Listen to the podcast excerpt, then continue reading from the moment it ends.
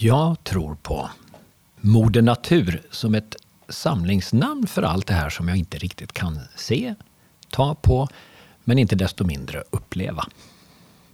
Det har väl haft olika namn eh, under årens lopp. Min mor eh, bad kvällsbön eh, när jag var liten och ehm, jag tror det formade mig väldigt mycket. Att knäppa händerna och be en bön innan jag somnade. Att säga några ord till att önska andra lycka, kärlek. Det skapade naturligtvis också att det fanns något annat som var större än mig själv. Det finns kvar i mig. Det skapade också ett väldigt stort sökeri. Och här är jag nu. Mm. Kommer du ihåg vilken kvällsbön ni barn? Ja, det var eh, Gud som... Haver barnen kär. Se till mig som... Och så tycker jag det är ganska intressant, liten är. Precis.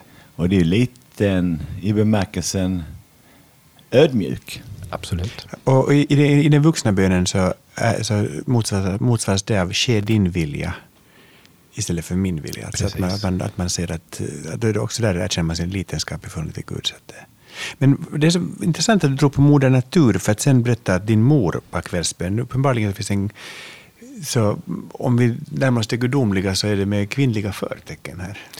Ja, det tror jag. jag. jag. tyckte det var väldigt kul för programmet heter Män herregud istället för Kvinnor damgud. Oh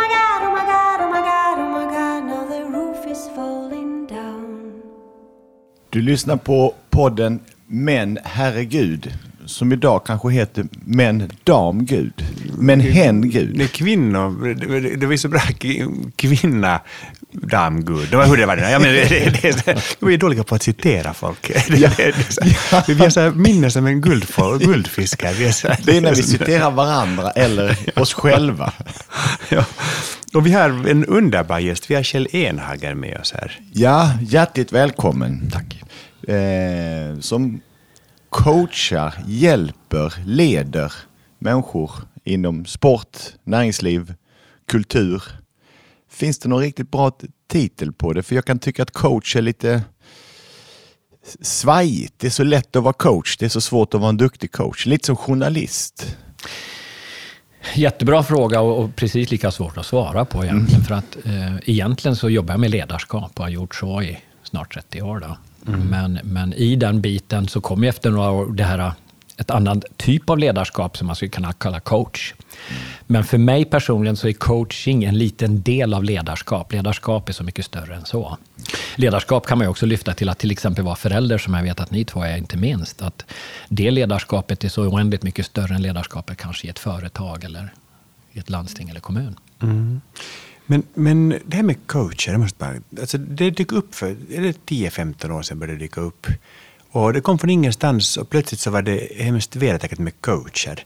Och de snurrigaste bland mina kompisar som aldrig har fått ihop sina liv, de blir allihopa coacher och skulle hjälpa andra människor med sina liv. Och jag fattar inte. Ja. Och, och några av dem är det fortfarande. Och så uppenbarligen är de väl duktiga, men deras liv är fortfarande bara kaotiska. Vi är ju i Göteborg i, idag och spelar in detta. Och förra gången vi var i Göteborg när vi var på mediedagarna så mm. träffade vi faktiskt en som hade varit coach. Jo, han, han hade varit coach och han, han startade ett företag för tio år sedan som skulle hjälpa folk att bli jätterika och framgångsrika. Varpå han själv gick i personlig konkurs och blev hemlös och tappade alla sina tänder. Det, det var ju jättesorgligt. Ja, och jag tycker det är bra att vi har den, det, det inspelet också. Mm. För att just visa att coachbegreppet är så är så brett. Men, men plötsligt kände jag, jag kände jättemycket för att säga att jag är coach. men, men, men, men, men, men, jag har två frågor, en till Kjell och en till Henrik. Jag börjar med Kjell. Enhager, är det taget? Ja, det är det. Från Dalarna, Falun. Min eh, farfar bodde i Bålänge och i Kvarnsveden och det fanns ett ställe utanför Kvarnsveden som hette Enhager. Det var svar på tal. Henrik, varför är Kjell gäst hos oss idag? Kjell är vår gäst idag för att varje gång som jag har med Kjell att göra så blir jag på ett bra humör i bemärkelsen att jag fortsätter att tänka på det vi talade om. Det är väl nästan 10-15 år sedan vi lärde känna varandra. Mm. Och vi gjorde bland annat sommarprogrammet ihop som sen även blev ett vinterprogram. Och varje gång vi pratas vid så märker jag att jag, jag drar igång mig själv. Eh, och jag tycker att Kjell som kan prata inför massvis med människor får dem att tänka aldrig ge någon en färdig sanning på ett fat. Utan man får någonting med sig. Och vad jag än säger tillbaka så märker jag att då tar du in det och så kommer du tillbaka i någon form. Du talar aldrig om för mig att jag har fel. Jag får aldrig känna mig mindre. Utan jag står alltid mittemot. Jag, jag brukar faktiskt citera dig ibland, Kjell. Eh, en sak som du sagt för jättelänge sedan, tror jag. Men det går, så här brukar jag citera. Att tänka och bete sig på samma sätt dag efter dag, samtidigt som man hoppas på att må bättre imorgon, det är definitionen av ordet korkad. Ha, har du sagt det? Ja, det har jag faktiskt sagt. Titta, shit! Oj, jag lyckades! High five, Henrik! Jag lyckades med ett citat. Det var, jag, alltså, jag var svettig under vägen. Den här, Ja. den här podden har ju funnits snart två år. Vi har ju halkat runt bland olika citat. Och när du helt plötsligt börjar citera en människa som är här så kände jag att det, marken öppnade sig Ja, under ja. oss. Men vi pratar ju om Gud som en fråga. Ja. Är frågor viktigare än svar? För mig är det ja. För, för svaren varierar beroende på vad jag är och, och det är tillfället, det är olika faser i livet. Men frågan är så konstant härlig. Den här otroligt eh, enkla men eh, lite trixiga att svara på. Vem är jag? Eller vad, vad är syftet? Vad är meningen? Varför finns jag? Och, och många möter jag som har snubblat in i den där frågan. För det är ju så många människor som tror sig veta så mycket. Nej, men så är det, vet du. Eller, nej, men det sa jag redan från början. Jag, jag, jag älskar lilla göteborgska accenten du fick på det. Vet du? Kolle. Liksom- Jag har varit i Göteborg ett dygn. Ja, precis. Starkare än så är inte min persona än att jag blev en del av, av befolkningen. Nej, men tillbaka till det. Framförallt människor som har en tendens att bli mindre och mindre i sitt sinne. Det blir man för att man vet allting. Man har inga frågor kvar. Och jag tycker det är så djupt sorgligt. Nyfikenhet kan man kalla det för. Faktiskt. Och- Och det är så sant det här med att alltså, på, på frågan vem är jag så varierar ju svaret om du frågar det på morgonen eller på kvällen. Samma dag. Absolut. Oh, det så, så, ja. så, så, så f- frågan, måste ju alltid, frågan är konstant och svaret varierar. ja. Men, men, men, på frågan, men på frågan vem är Gud? Tror ni att svaret varierar där också? För Gud är ju konstant och Gud är oföränderlig enligt vårt sätt att se på saken. Det är väldigt intressant att få sitta och lyssna på er två. Ödmjukt. Ja, Jag och jag tror nu att- ska och- och- jag tror att just den här, Man får ju hoppa in själv om man ska vara med här. Det är För jag kommer du har på. förstått allting. Eh, Jag tror de här ögonblicksbilderna i livet är oerhört viktiga. Alltså allt ifrån att man har en mor som ber en bön eller någon som berättar en berättelse eller en historia, att de fastnar. Eh, Lotta och jag har en dotter, vi har fler barn, men en av våra döttrar var väldigt, om jag får kalla det, eh, lite killig. Jag stoppade in henne i en leksaksaffär en gång och sa, tänkte jag, jag ska gå efter henne och se vad hon tar. Hon tog faktiskt en bil och satt sig under ett bord och började köra med den här bilen. Senare i livet så var Lotta och hon på en väns bröllop. Men Lotta stannade utanför kyrkan och när det här brudparet kommer ut, den vackra bruden med klänning och så vidare, så berättar Lotta att Victoria bara frös till och står och tittar på det här enormt vackra och sen vill direkt åka hem. Och då hade hon inte ett halsband utan 22 halsband och skulle ha halsband därefter. Det är en bild som har fastnat. Det är någonting som har hänt. Och jag tror på samma sätt alla de historier i Bibeln, om det nu är jungfruföds eller vad det nu må vara, att jag får en bild som för evigt sitter där.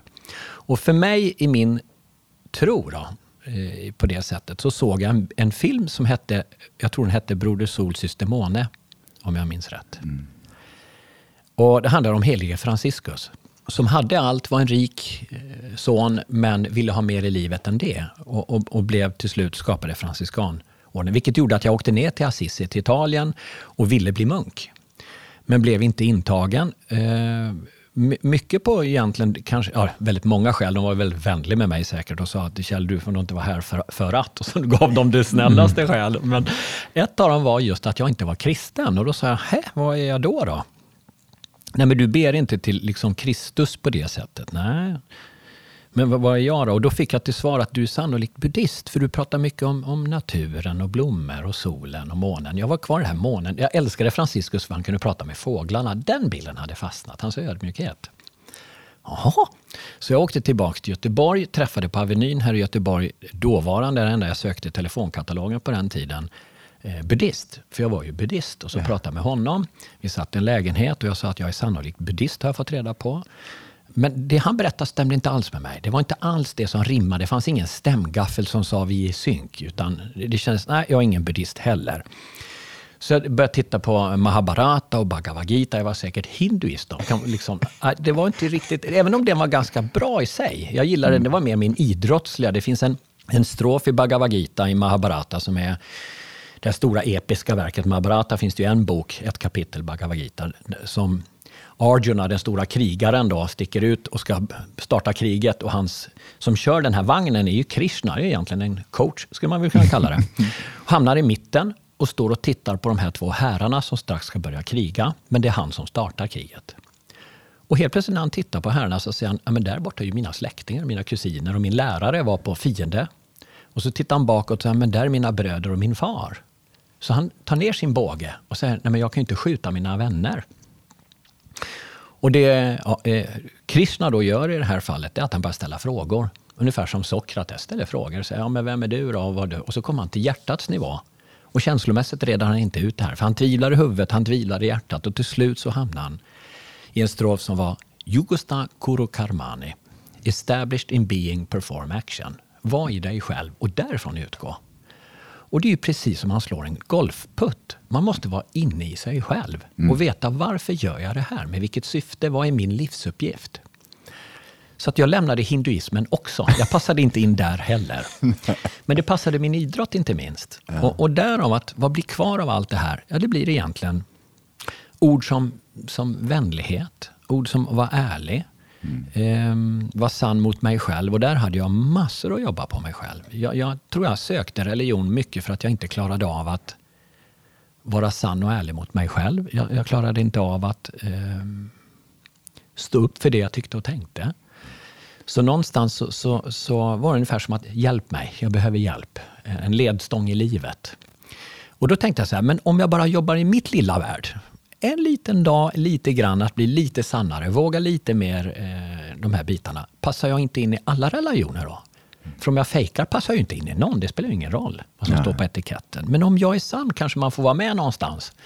Ehm, och, och, på den resan är jag nog fortfarande. Och det intressanta är ju att de sanningar du kom fram till, alltså var sann mot dig själv, var snäll, det är ju det som är, är de gemensamma reglerna för alla de religioner ja. du har nämnt nu. Alltså. Kjell, du arbetar ju mycket med idrottsmän, i synnerhet då individuella idrottare inom golf framförallt, tennis. Visst handlar idrott om att tro. Att man är i någonting som bygger på en djup tro, en underkastelse?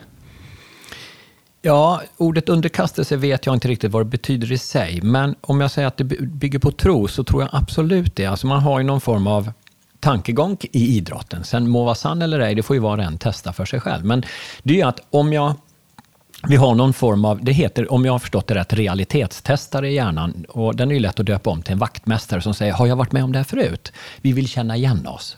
Och då när jag kommer till ett avgörande läge, har jag varit med om det förut? Och har, det, har jag då lyckats så finns ett plusminne. Har jag inte lyckats så finns ett minusminne. Vilket gör att det blir en självuppfyllande profetia.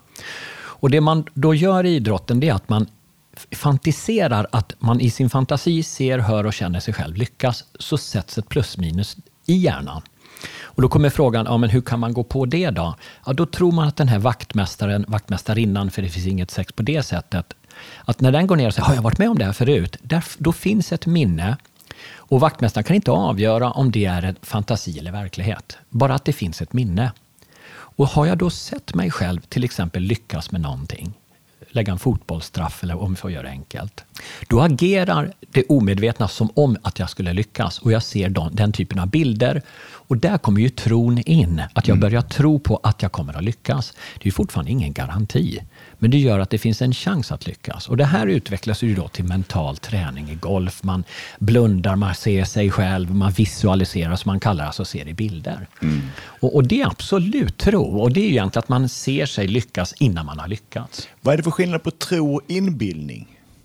För att det handlar ju om att inbilla sig att man kommer att klara det, kopplat till ett plus minus förhoppningsvis. Ja, jag vet faktiskt inte, för att någonstans är ju en tro en, en stark inbildning. Eh, du har ju ordet inspiration. Och jag tror också att, att eh, fantasin måste ha en ingrediens av inspiration. Spirare är egentligen andlighet, spiritus. Vilket har väldigt mycket med ande, men det har också med, med eh, känslan att göra. Att när jag ser och upplever mig själv i ett framtida scenario och jag verkligen är där i skarpt läge, att jag har en ingrediens av lycka, kärlek, glädje. Därav att när vi tänker i våra liv på framtiden så behöver vi må bra. För den ingrediensen, känslan, kommer utlösas när verkligheten är där. Så därför, om jag mår dåligt och deprimerad, ska jag egentligen aldrig tänka på framtiden. Jag behöver ta bort det och ändra mitt tillstånd innan jag går fram i tanken. För då bygger jag ju plus i hjärnan med ingrediens må bra. Ja. Jaha, men och nu är det så mycket som är så sjukt spännande här. Alltså, för, först inbildning.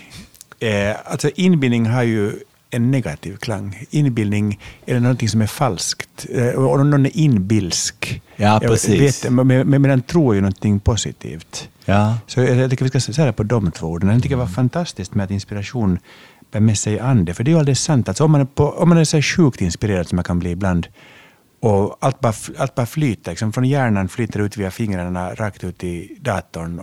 Och, liksom, och det blir en väv som, som man inte fattar var den kommer ifrån. Det är ju, det är ju verkligen ande, om någonting i så fall. Ja. Men, men, men sen det här med att...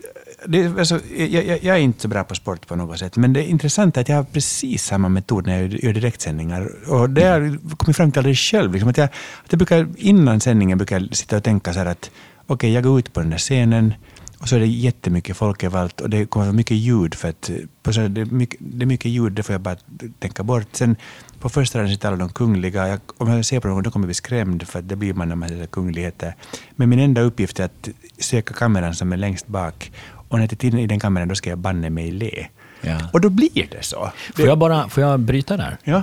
Nu ser ju inte lyssnarna det här, men det Mark gör när han pratar nu är att, om jag får Ja, det som ja. det jag ser. Jag ser att du blundar, Ja. du viftar med dina händer, du pekar precis var kameran är. Det tolkas som att du ser en väldigt tydlig bild Ja. innan du går in. Och det är den bilden, kopplat till den känslan med leendet, där har du gjort ett minnes, minnesspår, kallar hjärnforskarna det. Och då sitter alltså ett plus där.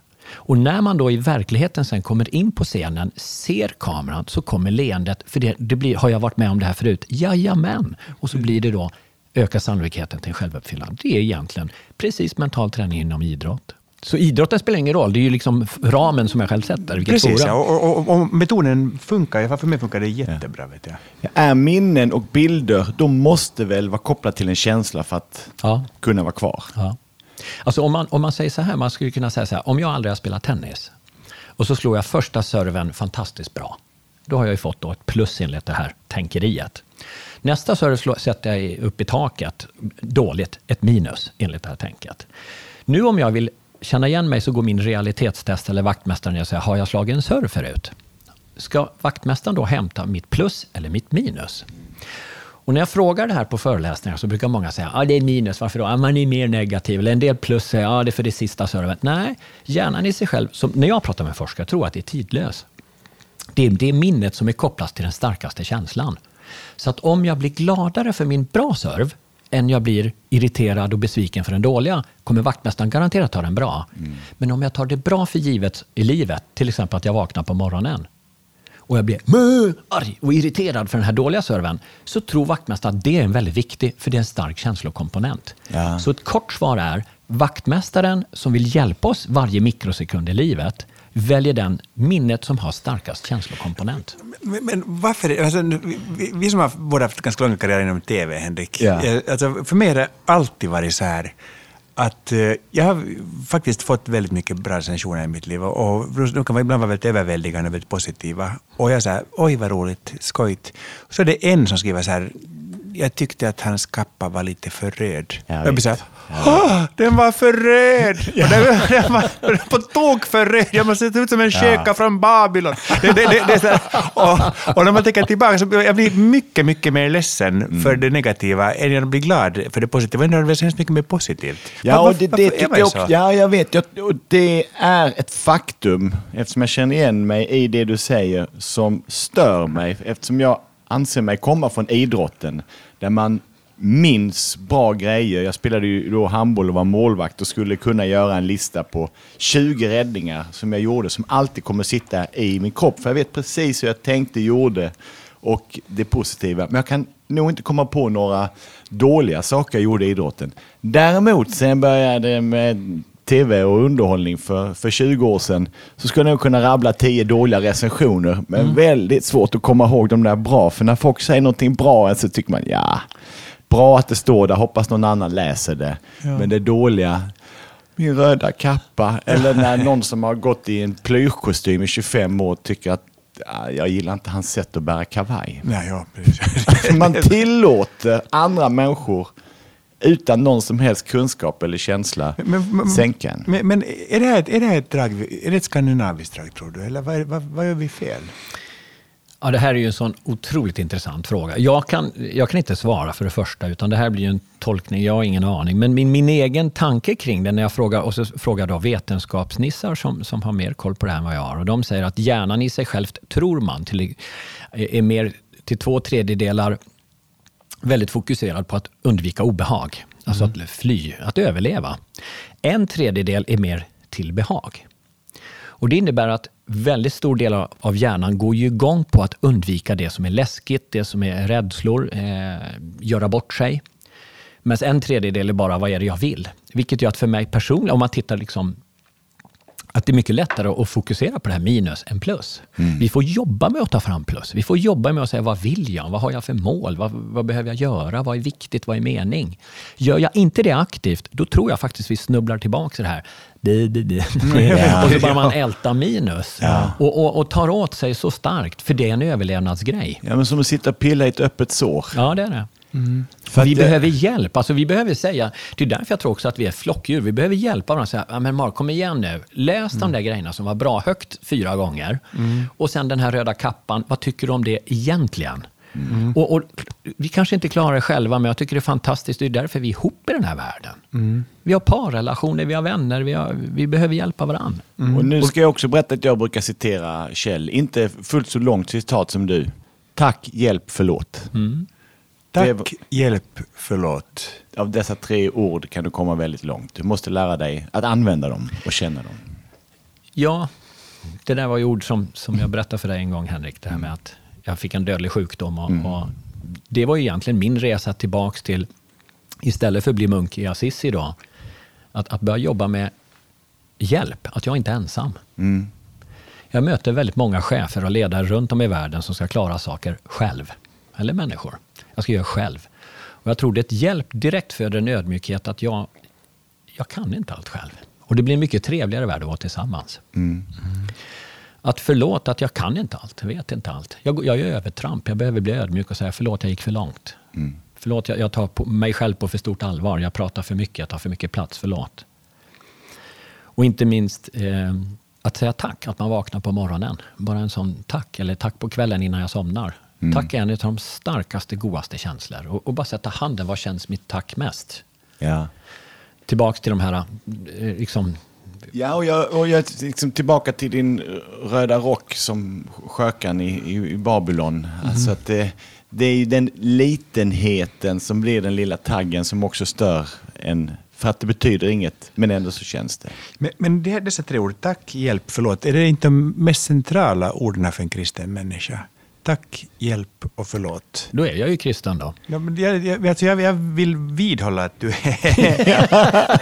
jag skulle för ett ögonblick vilja fastna här med kvällsbön, för det tycker jag är så intressant. Eh, en gång när jag biktade mig så var min biktfar väldigt sur. Han var en gammal präst. Och så han så här, Hur men- visst vet man, förlåt, vet man vem det är som sitter där på andra sidan när man biktar Jo, sig? no, alltså, nu, nu, nu man viktigast nu för tiden, det, men det är inte, alltså, man sitter ofta mitt emot varandra. Det, det, det är inte, inte där obekväma båsen längre. Det är inte som i filmer? Nej, men, alltså, vi, vi har inte lärt oss att, att eh, kyrkan framställs nästan aldrig i, filmer som det är på riktigt. Ja, men just film- själva biktscenerna har ju några klassiska. Jo, visst, och där man ska säga åh, jag är med i maffian och... och, och var precis det jag tänkte, alla Ja, Gudfader-filmerna. ja, jag, jag, Som vi för övrigt har lovat varandra att vi måste se om varje år. Jag, jag, jag vet, men, men, men nu- måste jag bara säga att min bikt eh, skiljer sig på i stor, väldigt många punkter från vad de biktar i maffiafilmerna. Men, men, men hur som helst, så han, var, han var sur, kommer jag ihåg. Och så sa han så här, ber du åtminstone aftonbön? Så sa jag, jo det gör jag. Så han, vad bra, endast hundar somnar utan att be bön. Och så tänkte jag att det är ju inte sant. Tänkte jag. jag kände att du pratar skit, tänkte jag. Och ökade däremot min skuldabörda. men, jag tycker det är ju inte sant. Det blev ett långt biktsamtal det Eh, här. men, alltså, ibland går det fel i vikten. Men, men, men hur, hur som helst så tycker jag att det är ju inte sant att bara hundar, och, och dessutom tycker jag inte om att han använder hundar som någon slags tecken på något dåligt och negativt. Men, men, men hur som haver så tror jag, jag tror kvällsbön är väldigt viktigt. Jag tror att det är väldigt viktigt att uh, vare sig man riktar det som en bön till Gud eller, eller en summering över dagen som har varit, tror jag det är superviktigt för en människa. Ja, Tack för stödet. Ja, ja, jag, känner, jag säger direkt ja. Alltså, I min värld, jag, jag, jag tror just den här... För mig att somna in, precis som du säger Mark, den här kvällsbönen är viktig. Och då kan man kalla det vara bön, alltså, oavsett vad jag ber till. Men att jag använder mina, för mig är ju då tack, hjälp, förlåt. Det är ungefär som, som en sil som jag silar, det är tre värdeord. Och så säger jag, känner jag tacksamhet? Har jag sagt förlåt eller förhäver jag mig själv? Eh, har jag sagt förlåt till dem som jag behöver? Har jag sagt hjälp när jag behöver? Eller ska jag vara så jävla bra, duktig och allt det här? Det är väldigt fint för mig som en stämgaffel. Sen önskar jag alla lycka innan jag somnar. Jag vet inte vad en bön egentligen är, men jag ser Lotta och mina barn och alla nära och kära. Och, och, och alltid när jag har jobbat så ser jag den gruppen som jag har jobbat med. Oavsett om det är flera tusen eller om det är tio, så tar jag dem i tanken och önskar dem lycka allihop. Och, och det är väldigt skönt att jag tror att det som är som en gemensam nämnare för tack, hjälp, förlåt, det är att ge.